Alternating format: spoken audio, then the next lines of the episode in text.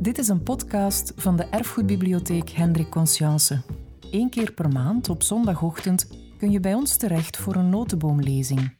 In deze lezingen bekijken we de maatschappij en cultuur van vandaag door een historische bril. Je kan ze hier herbeluisteren. We wensen je heel veel luisterplezier. Dames en heren, uh, laat mij eerst en vooral uh, zeggen dat het mij buitengewoon pleziert om hier vandaag te komen spreken. Uh, voor een deel al Koen verwees er al naar. Misschien ook wel omdat hij het heeft gevraagd. Want eigenlijk ben ik ben met een boek bezig en zeg ik op alles nee deze dagen. Maar toen hij het mij vroeg om hier te spreken, kon ik werkelijk niet nee zeggen. Uh, en vandaar dat ik hier toch sta.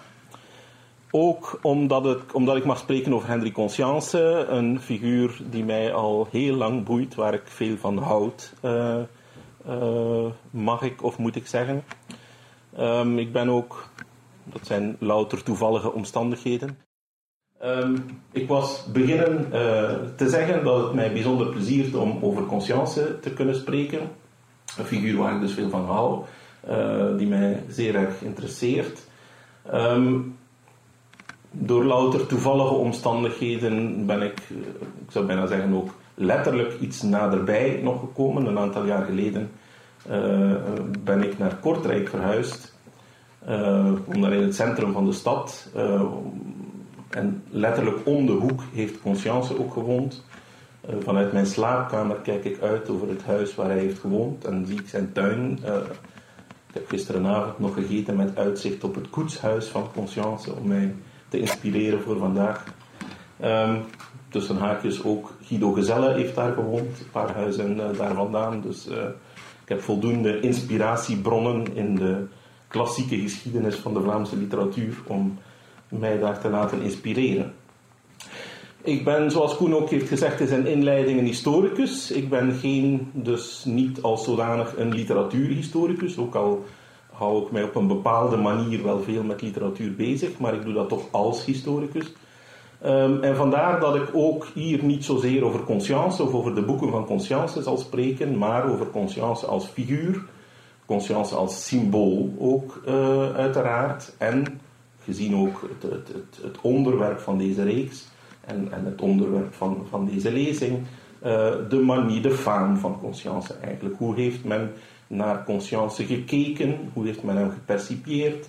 Hoe heeft men hem overal hem gedacht? Welke kwaliteiten en ook, zal spoedig blijken, gebrek aan kwaliteiten heeft men hem toegeschreven? Eerste vaststelling, uh, Conscience, zijn leven en zijn carrière kunnen we absoluut zien als een succesverhaal. Koen heeft er ook al naar verwezen. Uh, hij heeft, Conscience heeft nog tijdens zijn leven een standbeeld gekregen. Dat is buitengewoon uitzonderlijk. Het is ongeveer de enige figuur in de Belgische geschiedenis voor wie ik mij dat kan, uh, kan herinneren, of toch in elk geval in de 19e eeuw is op het einde van zijn leven zeer gevierd. Ik kom daar straks nog even op terug. Een echt succesverhaal. Nochtans was dat niet gegeven bij voorbaat, zou ik zeggen. De beginomstandigheden waren niet bijzonder goed. Conscience was van zeer bescheiden komaf, zoals u ongetwijfeld weet. Was zoon van een Franse vader. Um, was niet, absoluut niet voorbestemd om een groot, uh, grote figuur van de Vlaamse literatuur te worden zette zijn eerste pogingen uh, op het vlak als schrijver ook op, uh, met Franstalige, met Franse uh, teksten, maar is dan toch al vrij snel, een beetje tegen de goesting van zijn vader in, op het Nederlands overgeschakeld. Is beginnen schrijven eerst met zijn roman In het Wonderjaar, dus gewijd aan de opstand van de 16e eeuw niet bijzonder succesvol. Heeft daarna een, um, een bundeltje fantasie uh, gepubliceerd. Ook geen groot uh, succes. En is dan uiteindelijk, um, heeft dan in 1838 de Leeuw van Vlaanderen geschreven, zoals bekend. Um, ook dat was nog niet meteen een succes, maar uiteindelijk heeft het dan toch niet zo lang geduurd voor uh, hij daarmee succes heeft geboekt. En meteen was hij vertrokken, zeg maar. Een succesvolle carrière, een lange succesvolle carrière zou volgen. Met veel commercieel succes ook. Vanaf 1843 had hij een vaste uitgever, ehm, met wie hij steeds lucratiever contracten kon afsluiten, waardoor hij ook steeds meer betaald werd, steeds meer verdiende aan zijn literatuur. Succes, ehm, toch is dat uh, succes, laat ons zeggen, um, verhinderde dat niet dat hij uh, nog op andere manieren steun moest hebben, wilde. Succes, Conscience leefde nogal op grote voet, hield er nogal van zijn familie ook, hield er nogal van om veel geld uit te geven, had dus ook veel geld nodig.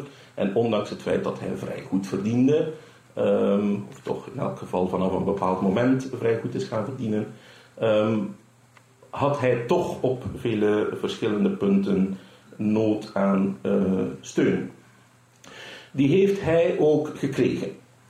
Um, op uh, verschillende vlakken uh, eigenlijk. In de eerste plaats heeft Conscience eigenlijk kunnen rekenen op steun van de overheid. Um, heeft hij um, in de eerste plaats functies uh, gekregen. Hij heeft een aantal openbare functies ingenomen. Als jonge man al werkte hij voor het provinciebestuur als vertaler kreeg daar ook steun en faciliteiten. Hij werd eigenlijk vrijgesteld om zijn onderzoek te kunnen doen voor, voor de Leeuw van Vlaanderen, bijvoorbeeld. Later is hij aangesteld als. Um, is hij aangesteld als. Dat begint hier te bewegen uh, op een manier die ik niet helemaal had voorzien.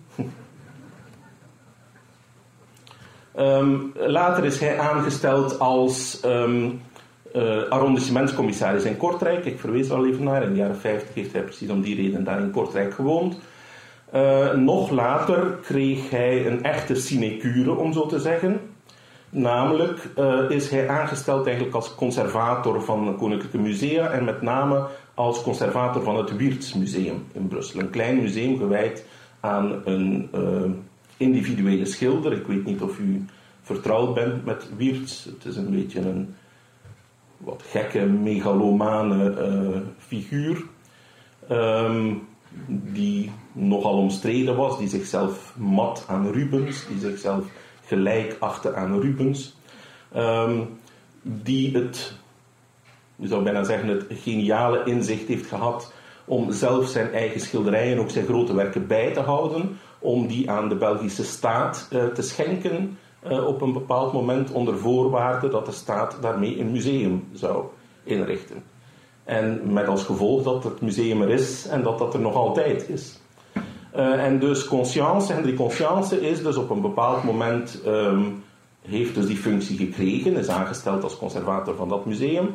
En zoals ik zei, eigenlijk was dat een sinecure, dat impliceerde niet veel werk. Hij had daar niet veel, niet veel moeite en niet veel werk mee. Moest daar eigenlijk niet veel tijd aan spenderen. Eigenlijk was dat een manier om hem een job te geven, hem een mogelijkheid te geven om te schrijven. Eigenlijk. Uh, en om hem in die, uh, dus een, de kans te bieden uh, om dat te doen. Conscience is dus gesteund door de overheid, door functies, is ook gesteund op een meer rechtstreekse manier, heeft ook financiële steun gekregen. Vrij vroeg al. In de eerste plaats, um, als jonge man al kreeg hij de bescherming van de beroemde, in der tijd in elk geval, beroemde Belgische schilder. Het is nog iemand met een zeer wisselvallig lot, zal ik maar zeggen.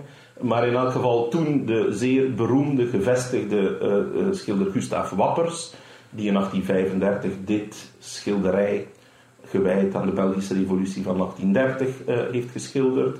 Die daardoor dus bekend gevestigd was, die ook in contact stond met het Hof. Die Conscience, de jonge Conscience, een beetje onder zijn vleugels heeft genomen, in contact heeft gebracht met het Hof ook. Dat heeft Conscience koninklijke steun opgeleverd. Hij is ook, heeft subsidies gekregen, aanmoedigingen.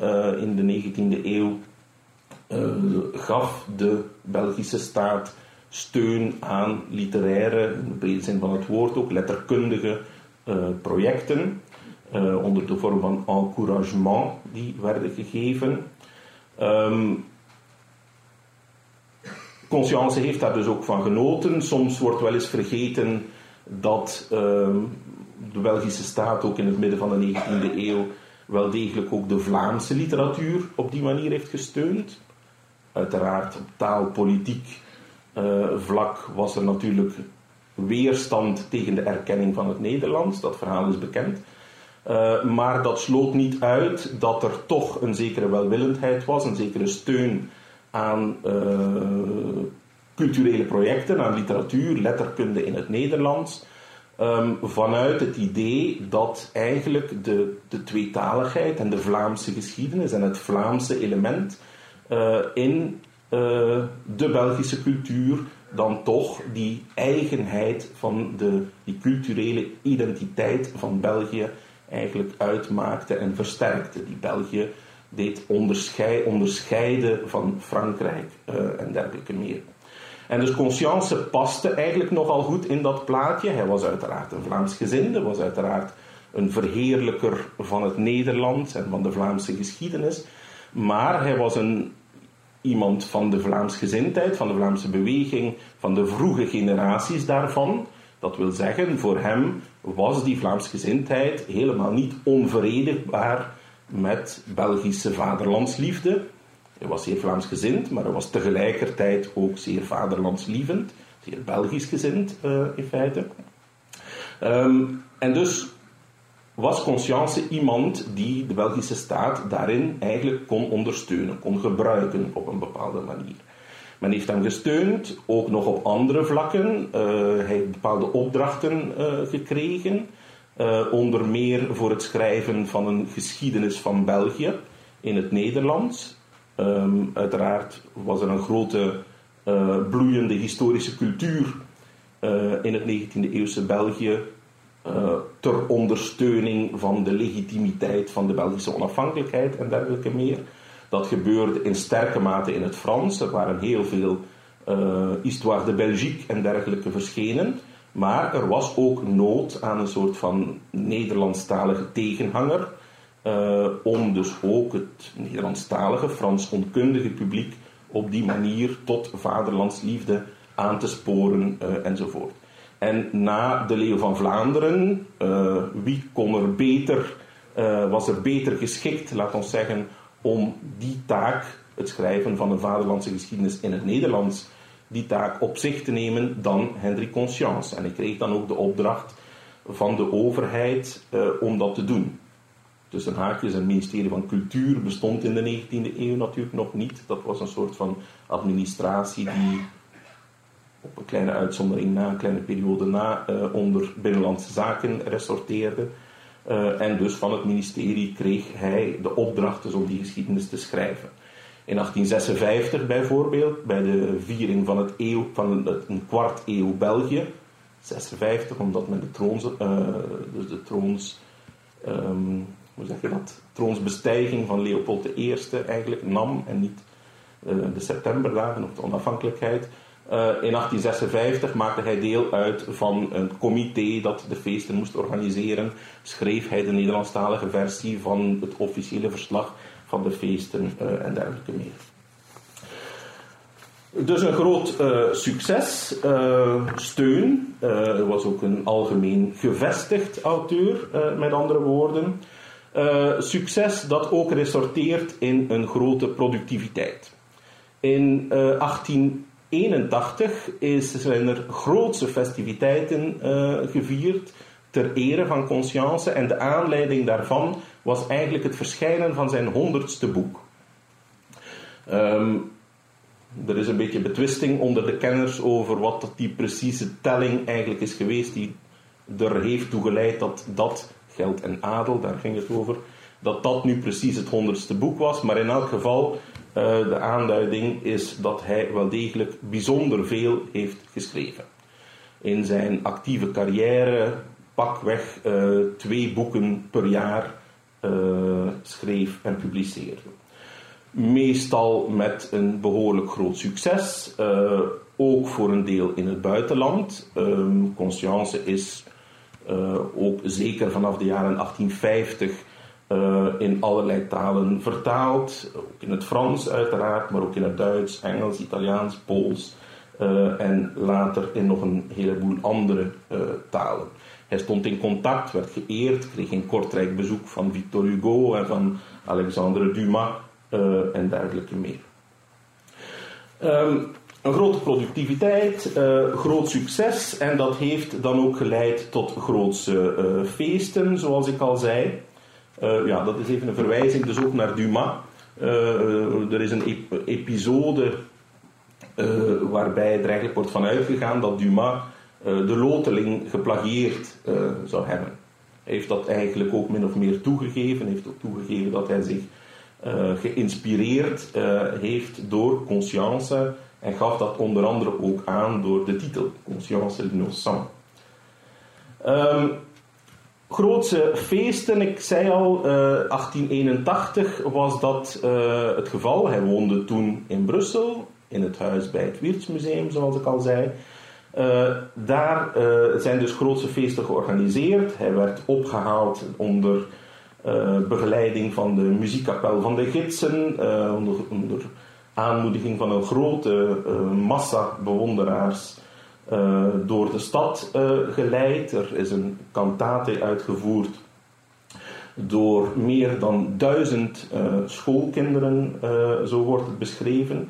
Een kantate op tekst van Emmanuel Hill en op muziek van Karel Miri. Miri is ook de componist van de Vlaamse Leeuw, tussen haakjes. Um, een kantate, een, eh, ik toon u een klein fragment daaruit. Heil en ere, heil, ik ga niet zingen voor alle duidelijkheid. Heil en ere, heil en ere, u die het vaderland versiert, dat uw geest de feest beheren, die het volk voor u thans viert. Geest van liefde, geest van vrede, kom conscience, kom mee, kom mee. Snoer thans in vreugdeband, Vlamings hert en Vlamings hand. Kom mee, kom mee, bloem van het vaderland. Er waren nog andere uh, gelegenheidswerken. Peter Benoit uh, heeft ook een hymne geschreven uh, en dergelijke meer. De feestrede werd uitgesproken door Emmanuel van Driessen, voorzitter van het feestcomité. Het is duidelijk als ik mijn papieren hierop leg dat het begint te dansen. Uh, Emmanuel van Driessen, dus voorzitter van het feestcomité, sprak een feestrede uit. Ik ga daar eventjes uit citeren. Dit huldefeest heeft een hogere betekenis. Het geldt hier niet alleen de roem van de voortreffelijksten onze zonen, maar tevens de verdediging van de immer leidende en strijdende Dietse volkstam.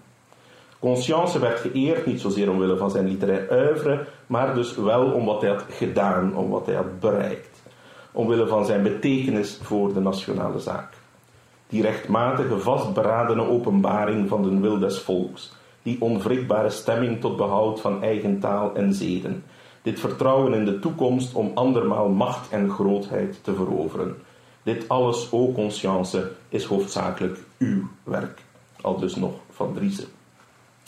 De toegesprokene bescheiden uh, keert de verdienste om uh, gij zult mij niet roemdronken maken, zei Conscience, of toch volgens het uh, geschreven verslag van de feesten. Ik zal mijzelf niet overschatten en ik kan al de lof die men mij toezwaait niet voor mij alleen nemen. Wat wij nu vieren is niet een mens, maar een grondbeginsel, de bevestiging van ons volksbestaan. Laat mij toe mijn persoon terzijde te stellen, omdat ik mij ook verblijden mogen in hetgeen hier geschiet en dit is uw werk. De inrichters, al dus conscience, hebben een kroon gesmeed niet om mijn hoofd, maar om het hoofd van Vlaanderen. Um, bij die gelegenheid van dat feest van 1881 werd uh, nog groter eerbetoon aangekondigd. Het is er dus ook al naar verwezen. Namelijk de oprichting van een uh, standbeeld voor uh, Conscience. Voorbeeld was onder andere Hans Christian Andersen, die ook al een standbeeld bij leven uh, nog had gekregen. En Conscience zou er dus ook één krijgen. Um, de, het was Frans Joris die de opdracht kreeg. Ehm, en het feit, ik wil één puntje daarbij, daarbij even in het licht plaatsen, het feit dat Conscience dat heeft gekregen, dat standbeeld, nog tijdens zijn leven, heeft er eigenlijk ook toe bijgedragen dat hij is uitgebeeld zoals hij op dat moment was. Namelijk een oude man, zittend, uh, een beetje vermoeid uh, enzovoort. En we zijn natuurlijk zodanig aan dat beeld gewend dat we daar niet van opkijken, maar op zich is dat niet vanzelfsprekend. De meeste figuren, mensen krijgen een standbeeld na hun dood en dan wordt er ja, een soort van keuze gemaakt van hoe gaan we die voorstellen. Meestal wordt die natuurlijk niet voorgesteld zoals hij eruit zag op het einde van het leven, maar wordt een soort van ja, abstract moment of een soort abstract beeld gekozen uit de, uit de, volle carrière van de, van de persoon of iets dergelijks. Bij Conscience was dat dus niet, is hij dus eigenlijk voorgesteld zoals hij op dat moment was.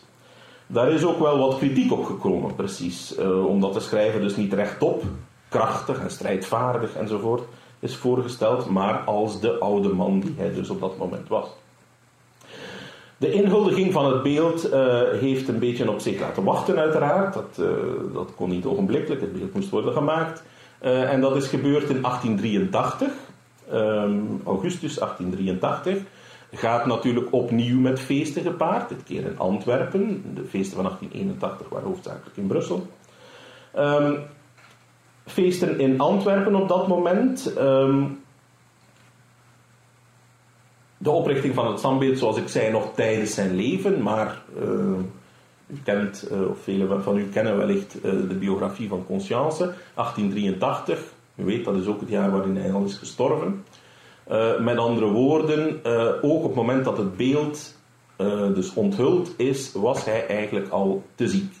En hij, het beeld is er tijdens zijn leven gekomen, maar heeft het zelf niet meer gezien.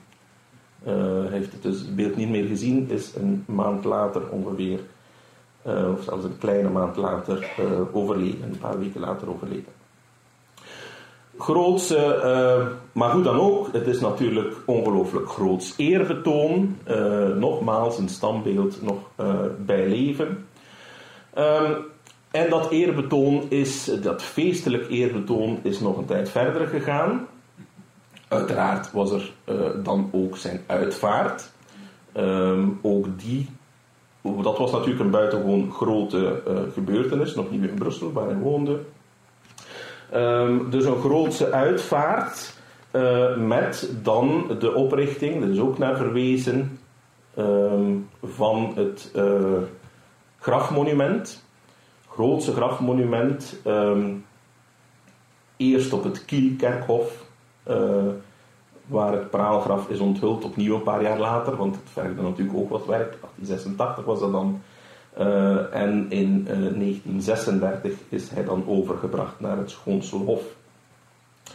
Een klein element daarbij, op het ontwerp voor het standbeeld had Frans Joris um, al de, een inscriptie aangebracht die be bekend zou worden en blijven, namelijk hij leerde zijn volk lezen. Um, volgens de literatuur, Gersmook heeft dat uitgezocht, um, zou uh, dus Joris dat niet zelf hebben bedacht, maar zou die slagzin komen, ik wil het even aanduiden omdat het hier uh, in deze, deze locatie past, door uh, Hendrika Mertens, de vrouw van, van Beers en de dochter van Frans Hendrik Mertens, de stadsbibliothecaris, of voormalige stadsbibliothecaris van Antwerpen. Um, die slagzin is uiteraard gemeengoed uh, geworden onder letterlijke vorm en andere afgeleide vormen.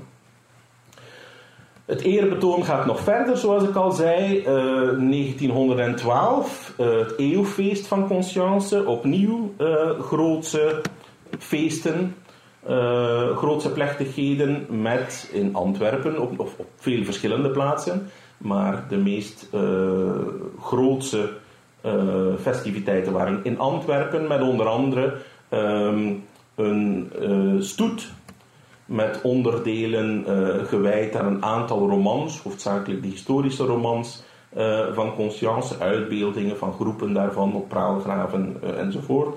Groots eerbetoon met ook de aanwezigheid van het koninklijke paar, Albert en Elisabeth. ehm, die dus de feesten hebben, hebben bijgewoond. Um, tussen haakjes ook dat kan ik nog vermelden dat die feesten ook een meer duurzame gevolg eigenlijk hebben gehad. Namelijk dat er bij die gelegenheid ook een tentoonstelling is gewijd aan conscience. Een tentoonstelling die uiteindelijk eigenlijk aan de basis heeft gelegen van een museum voor de Vlaamse letterkunde, wat dan uiteindelijk het ANVC eh, is uh, geworden. Dus ook die collectie eigenlijk van conscience is daar een beetje de kern van geweest. Groot eerbetoon, erkenning. Um, hoe kunnen we dat verklaren? Ik heb het al voor een deel gezegd, omdat Conscience onder andere een uh, goede vaderlander was, zal ik maar zeggen, waardoor hij betrekkelijk weinig, misschien niet helemaal, maar toch betrekkelijk weinig uh, omstreden uh, was, zal ik maar zeggen. En dat speelt eigenlijk ook op andere vlakken. Conscience was iemand die um, in de zeer gepolitiseerde zeer uh, scherpe ideologische tegenstellingen van de 19e eeuw, tussen katholieken en liberalen hoofdzakelijk. Um, tegenstellingen die ja, de hele maatschappij, ja, de schoolstrijd is het duidelijkste voorbeeld, maar ook op allerlei andere vlakken eigenlijk de Belgische maatschappij, zeker vanaf de jaren 70, uh, eh, erg heeft verscheurd. Um, Conscience is iemand die eigenlijk in die tegenstellingen uh, zich nooit scherp heeft opgesteld. Um, die eigenlijk voorzichtig was, wars van polemiek, die zich nooit zeer duidelijk in katholieke of liberale zin heeft uitgesproken. Dat wil niet zeggen dat er geen elementen zijn, dat hij niet op bepaalde momenten door de liberalen wel als een katholiek werd afgeschilderd uh, en dergelijke meer maar toch die daar nooit heel uh, eigenlijk voorzichtig is in geweest, nooit scherp in die polemiek is meegegaan, die met andere woorden een vrij grote graad van onpartijdigheid, politieke onpartijdigheid eigenlijk heeft kunnen behouden. Hij is nooit een strijdbaar katholiek of, een, of een soort katholiek of liberaal boegbeeld geweest of iets dergelijks. En daardoor was hij, dus zoals ik zei, betrekkelijk weinig omstreden was hij eigenlijk aanvaardbaar voor iedereen, of voor bijna iedereen. Um, en dat maakte dat hij dus echt tot die meer dan anderen, meer dan andere literatoren, die wel veel meer uitgesproken in één kamp zaten, zal ik maar zeggen, uh, dat hij dat um, dus voor zeer vele mensen aanvaardbaar is geweest. En, en dus meer dan wie ook de, de Vlaamse letterkunde, de hele Vlaamse letterkunde, eigenlijk kon uh, symboliseren. Eerste deel van mijn verhaal, conscience, groot succes. Maar dan komt zijn nachtleven, zijn reputatie na zijn leven. Ook daar nog elementen van succes. Ik wees al op het eeuwfeest van 1912, toen was hij natuurlijk ook al een tijd overleden. Um, nog altijd bekendheid, laten we zeggen, nog altijd beschouwd als een groot schrijver, maar daar komen uh, dus ja, eh, elementen, eh, negatieve elementen eigenlijk in die uh, perceptie. En dat heeft dan voor een deel te maken met de, in de eerste plaats met de literaire kwaliteit van zijn werk. Was Conscience eigenlijk wel een goed schrijver? Waar was hij eigenlijk wel een groot literator? Daar hebben velen nee op geantwoord. Uh, dat gaat ook al verder terug, gaat tot zijn, uh, uiteraard ook altijd uh, tot zijn leven, de periode van zijn eigen leven terug. Op het moment zelf heeft hij ook al veel kritiek gekregen. Een bekend voorbeeld daarvan, een bekend hard oordeel, werd in 1856 uitgesproken, dus 1856 al, uitgesproken door de bekende kanunnik Jan Baptist David.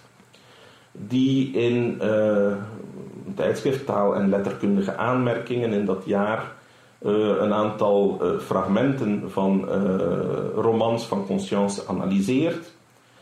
Um, en daarbij nogal veel kritiek geeft. Hij gaat vooral in op het taalgebruik van Conscience en hij laat daar eigenlijk, om zo te zeggen, geen spaander van heel.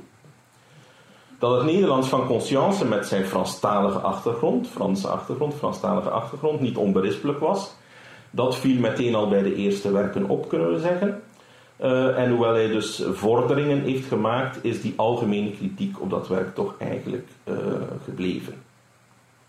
En bovendien gaat het niet alleen over dat gebrekkige Nederlands, ook bij David. Hij bekritiseert ook uh, een aantal halve citaten, zijn slechte smaak, de keuze van zijn onderwerpen, die nogal onbenullig zijn, gebrekkige karaktertekening enzovoort. En na zijn dood zijn die kritieken eigenlijk bijna altijd uh, hernomen. En ze komen dus, dezelfde punten komen vaak terug. Ik ga daar niet in detail op in, maar dus de onbeholpen manier, de vaak, vaak kromme Nederlands, erkennen eigentijdse critici en latere critici, literatuurhistorici enzovoort. Er is dat element dat dus David ook al aangaf van wat men beschouwt als een nogal simplistische, rudimentaire psychologie. Een karaktertekening die zeer oppervlakkig is, die schematisch is uh, enzovoort. Uh, een, een, een mens- en maatschappijvisie die nogal eendimensioneel is, die ook zeer idealistisch is. Uh, conscience heeft, geen oog voor de uh, voor de inherente slechtheid van de mens, voor de sociale wantoestanden uh, enzovoort. Hij heeft een soort van verbloemd, gekleurd, roze beeld van, van de maatschappij en van de mens, om zo te zeggen. dus zijn personages zijn nogal eenvoudig, maar ook zijn wereldbeeld is nogal eenvoudig enzovoort. Voor een deel wordt dat toegeschreven, met name dus de afwezigheid van uh, van zicht op uh, sociale wantoestanden, sociale kritiek, met andere woorden, maatschappijkritiek. Conscience geeft daar niet veel blijk van, zeggen de critici. Um, wordt dat voor een deel toegeschreven aan het feit dat Conscience, ondanks zijn eenvoudige achtergrond, zijn eenvoudige herkomst, eigenlijk tot de upper class is gaan behoren, tot het maatschappelijke establishment hij is rijk geworden, gedroeg zich ook als een uh, rijk man. Um, en is tot het establishment gaan behoren, uh, is conformistisch geworden, is gezagsgetrouw geworden, zegt men, uh, enzovoort. Zoals ik daarnet zei, hij sprak zich niet echt uit tussen de liberalen en de katholieken, maar is in elk geval niet een socialist geworden, om zo te zeggen. En dat beeld van gezagsgetrouwheid, conformisme enzovoort, dat past natuurlijk niet bij het beeld van een grootschrijver. Dat is niet wat een grootschrijver hoort te zijn in de visie op het schrijverschap, die zeker vanaf de late 19e eeuw en in de 20e eeuw op geld maakte. Kritiek die zeer aanhoudend is gebleven, maar waar uiteraard niet iedereen het mee eens was, of anders gezegd, of beter gezegd, uh, er zijn natuurlijk mensen geweest die de redding, de verdediging van conscience op zich hebben genomen. Hij heeft natuurlijk verdedigers gehad, ook later. En voor die verdediging waren er een aantal, zijn er een aantal uh, strategieën ontwikkeld, een aantal uh, mogelijkheden om ehm, hem toch in verdediging te nemen. En uh, ik wil die kort even aangeven, of, of de belangrijkste, duidelijkste daarvan even aangeven. En er zijn een aantal verschillende strategieën. Een eerste is om eigenlijk de kritiek die bijvoorbeeld op zijn karakteruitbeelding is uitgeuit, om die niet zozeer tegen te spreken. Uh, want je zou kunnen zeggen, ja, kan dat moeilijk tegenspreken, uh, maar om daar een soort van andere invulling, een andere appreciatie aan te geven.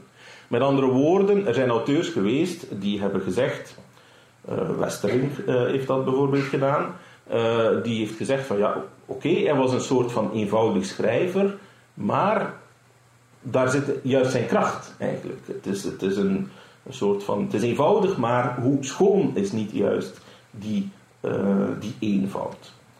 Um, er zit precies door die eenvoud een soort van puurheid uh, in zijn literatuur enzovoort. Een andere strategie is om te zeggen dat, oké, Conscience, zijn, zijn schrijfstijl enzovoort, zijn literatuur heeft een aantal gebreken, maar aan de andere kant zijn er ook andere kwaliteiten. Ehm, en dan wordt met name gewezen, terecht denk ik, op uh, het feit dat hij een bijzonder goed verteller was. Er wordt gezegd, uh, oké, in zijn schrijven, hij maakt fouten, zijn Nederlands is niet altijd heel zuiver enzovoort enzovoort. Maar hij is wel een zeer meeslepend verteller. Hij kan prachtige verhalen vertellen, kan de lezer echt meenemen in de verhalen.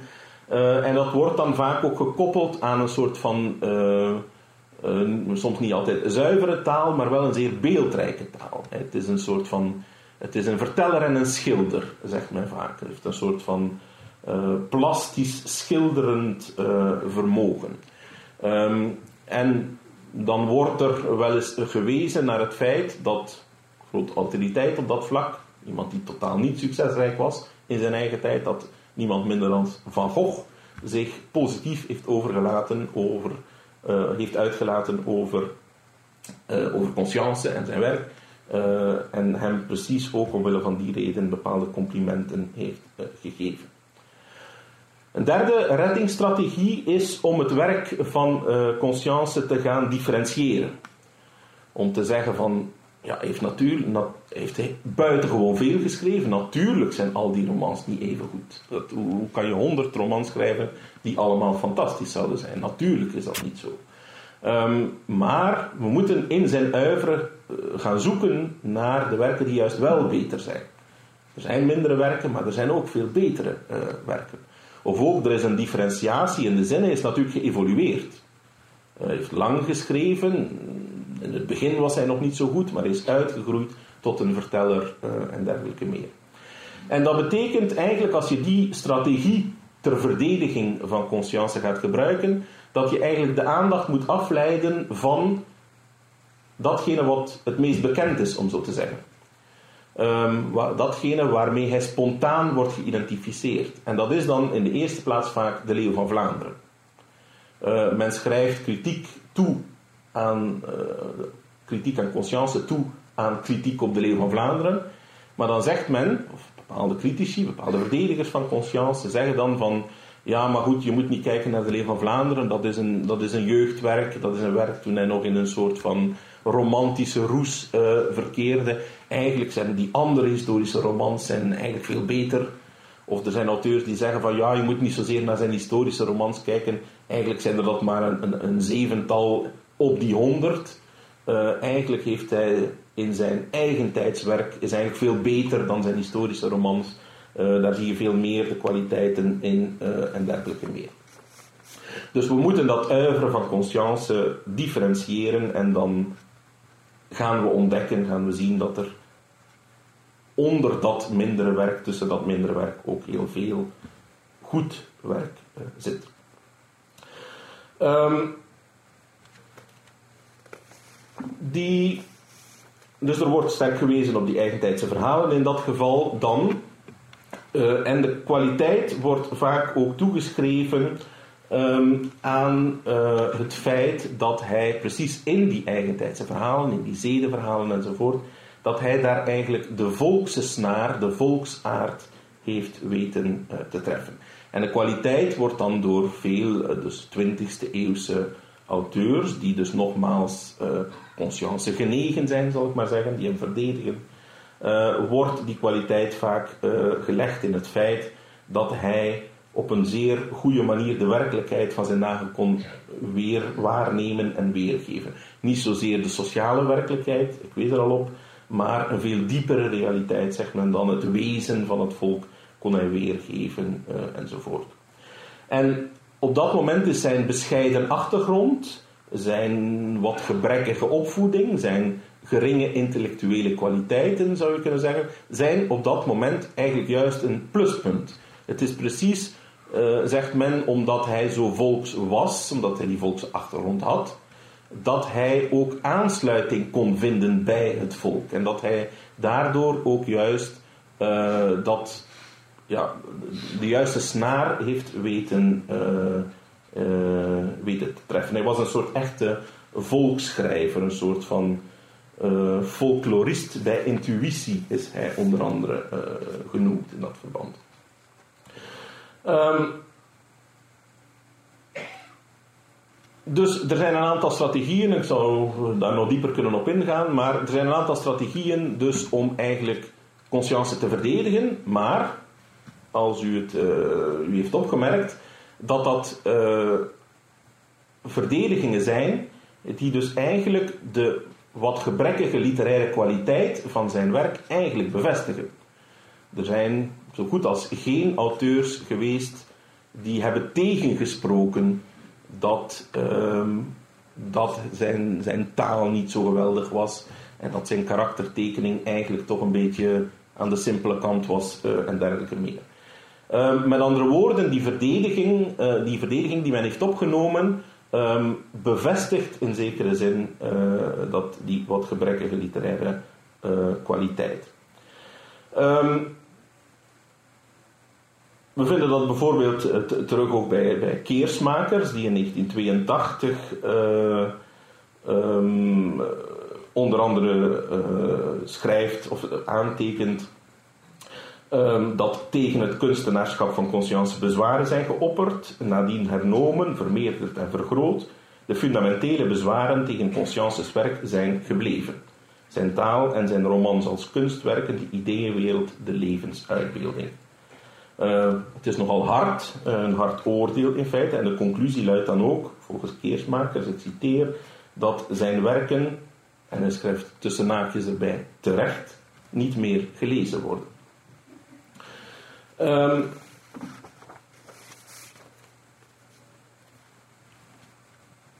men is daar ook nog wat tegen ingegaan, tegen dergelijke oordelen door um, bijvoorbeeld te zeggen van ja, dat waren een soort van bewuste keuzes eigenlijk van conscience. Eigenlijk was dat een soort bescheidenheid van hem. Uh, hij heeft een soort eenvoud gezocht, bewust om het volk te kunnen aanspreken. Uh, hij offerde zijn kunstenaarschap eigenlijk op om tot, tot volksverheffing te kunnen komen. Dat was eigenlijk wat hij nastreefde, hebben dus ook auteurs geschreven. Um, en dus met andere woorden, conscience heeft eigenlijk, um, had eigenlijk beter gekund, is de implicatie daarvan, maar heeft doelbewust eigenlijk op een volkse manier geschreven om, um, dus om het volk te kunnen, uh, te kunnen aanspreken en te kunnen uh, verheffen. En met andere woorden, men uh, onderschrijft dus het grote belang van conscience, maar koppelt dat in zekere zin los van de kwaliteit van zijn werk. Bijna iedereen erkent op een bepaalde manier dat zijn werk niet zo bijzonder geweldig is, maar dat hij toch een buitengewoon belangrijk schrijver is geweest en dat zijn belang, met andere woorden, op andere plaatsen ligt dan in die literaire uh, kwaliteit. Ik wees al naar dat uh, nationale belang en dergelijke meer. Maar dat belang, onderstrepen velen, was dan wel bijzonder groot.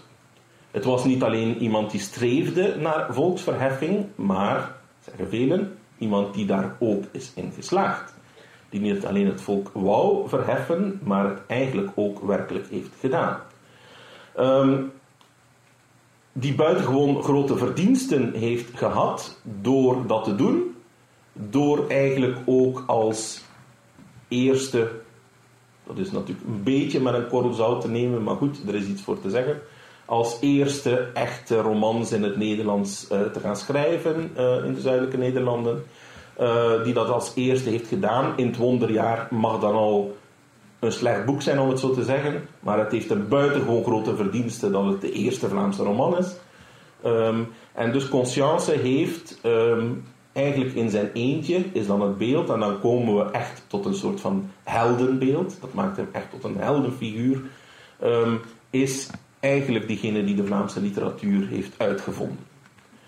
Uh, de eerste die dat heeft gedaan. En nogmaals, daar wordt dan een soort van ja, heroïsche mythologie aan toegevoegd van iemand die dat eigenlijk in zijn eentje heeft gedaan. Uh, iemand die dat bovendien ook nog heeft gedaan ondanks zijn achtergrond. Het feit dat hij dat, uh, zijn verdiensten worden alleen maar groter door te benadrukken dat hij eigenlijk uit een uh, volksmilieu kwam, dat hij uit een Franstalig milieu, milieu kwam of een Franstalige achtergrond had, dat hij, um, uh, dat hij eigenlijk tegenkanting kreeg in het begin enzovoort. Dat wordt precies om heroïsche, mythologische redenen wordt dat nog eens benadrukt, omdat dat zijn verdiensten natuurlijk alleen maar groter maakt en zijn heldenstatus ook alleen maar groter maakt. Um,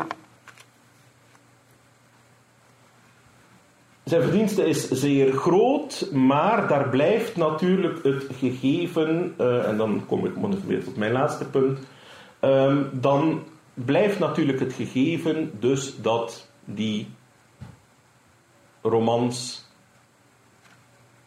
als je het radicaal wil formuleren, zoals sommigen het hebben gedaan, eigenlijk niet meer te lezen zijn of niet meer gelezen moeten worden. En dan zitten we met een wat uh, ja, vreemde situatie dat onze belangrijkste schrijver, om het zo te zeggen, eigenlijk geen goede schrijver was. Um, en dat, is natuurlijk, dat zorgt natuurlijk voor een zeker uh, ongemakkelijkheid, om zo te zeggen, voor een zekere schaamte, voor een zeker uh, minderwaardigheidscomplex, als je die term wil, wil gebruiken.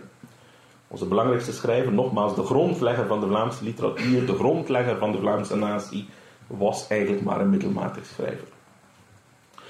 Um,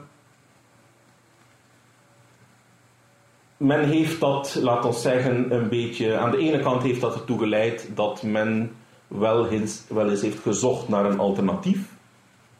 Uh, is er dan niet iemand anders? Is er dan geen beter schrijver die we die status kunnen uh, geven? We hebben het ongeluk, om zo te zeggen, dat Charles de Koster in het Frans schreef. Dus dat liet hem dus ook al afvallen, om zo te zeggen. En dus nee, er is eigenlijk geen alternatief. Er is niet iemand anders die de plaats van conscience als letterkundige, als letterkundig voorman kan innemen. Dus we moeten het blijven doen met conscience. Conscience die we aan de, aan de ene kant dus verheerlijken, een, een heldenstatus geven, maar die we tegelijkertijd eigenlijk ook vergeten. Die we tegelijkertijd ook niet meer lezen uh, en in feite ook niet meer kennen. Um, de verdienste zit is, van conscience is met andere woorden, dat is natuurlijk op zich niet zo vreemd, bij zeer veel helden uh, is dat zo, die verdienste is met andere woorden eigenlijk historisch.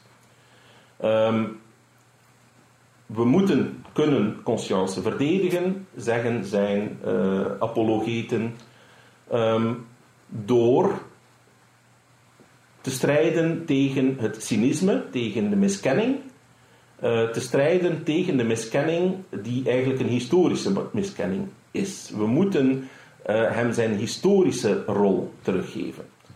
Uh, en dat heeft eigenlijk, eigenlijk geldt dat ook voor de erkenning van zijn kwaliteiten en eventueel gebrek aan kwaliteiten. Je moet die in de tijd zien. Je moet conscience niet beoordelen zeggen de apologeten, je moet hem niet beoordelen naar normen van nu, naar literaire standaarden van nu uh, enzovoort. Je moet hem in zijn tijd zien. Uh, en de auteurs die dat uitwerken, die benadrukken bijvoorbeeld van ja, je moet. Um, um, dus je moet eigenlijk ook de, de, de, bepaalde gebrekkige kwaliteiten, die eenvoud van karaktertekening enzovoort, Um, je moet die niet aan hemzelf toeschrijven, maar eigenlijk zijn dat gewoon kenmerken van de literatuur uit de periode waaruit hij schreef. Hij is gewoon een kind van zijn tijd. Uh, hij hoort in een bepaalde tijd en het feit dat hij toen wel bekend was, nogmaals niet alleen populair bij het Vlaamse lezerspubliek, maar ook een behoorlijke, misschien ook niet overdrijven, maar toch een behoorlijke internationale erkenning uh, had. Internationaal wel degelijk als een bekend en gewaardeerd schrijver uh, werd gezien, ook in het buitenland. Uh, dat toont juist aan dat hij in zijn tijd wel degelijk ehm, een groot schrijver was, dus, zoals ik zei, maar dat we dat ook als zodanig moeten zien, dat we hem in die tijd moeten, moeten terugplaatsen. en met andere woorden, um, conscience is een is om het lapidair uit te drukken, conscience is verleden tijd. Uh, ook diegenen die hem verdedigen, die hem uh, goed genegen zijn, zal ik maar zeggen, beschouwen hem eigenlijk als een schrijver van vroeger. Niet meer als een tijdgenoot, iemand die ook niet meer als een tijdgenoot kan gelezen worden, zoals dat misschien voor Tolstoy of Dostoevsky uh, wel het geval is, of voor Flaubert. Maar iemand die als een historisch schrijver moet worden gezien. Iemand die je moet lezen omwille van zijn historisch belang, die je moet appreciëren, beoordelen naar historische uh, maatstaven. Maar dat doet uiteraard niks af aan het uh, belang dat hij had. Um, en dat zien we onder andere, verwijs hier even naar een recent, het is intussen ook al niet meer zo recent, maar een relatief recente heropleving van uh, conscience, maar een voorbeeld dat ook aangeeft dat hij, laten we zeggen, niet erg serieus wordt genomen. Dat is een beetje het herleiden van conscience tot een soort van vaudeville in feite. Um, maar dus de grote status die hij als historische figuur maar uiteraard voor de Vlaamse beweging in elk geval wel heeft behouden. En wat blijkt uit dit Gulden Doek van Vlaanderen van Luiten, um, jaren 30 uh, eh, geschilderd, in de, um, de IJzertoren wordt bewaard. En waar je natuurlijk een hele gro grote groep Vlaamse helden, zal ik maar zeggen, samen ziet. Dat conscience daarbij hoort, spreekt uiteraard vanzelf en is op zich absoluut niet verwonderlijk. Maar ik wil wel even bijzonder wijzen op het feit dus dat er drie figuren echt uitgelicht worden, die je bovenaan uh, ziet onder de vorm van een soort van beelden, borstbeelden. Um, namelijk Gezelle, Peter Benoit en dan uiteraard Conscience. Um, dus die status als een soort van peetvader uh, heeft hij natuurlijk behouden. Um, zij het dan dat, helaas, ik ga niet zeggen dat ik het daar helemaal mee eens ben, maar dat is wel de conclusie van het onderzoek naar de reputatie. Uh, een schrijver die helaas niet meer gelezen wordt. Ik dank u.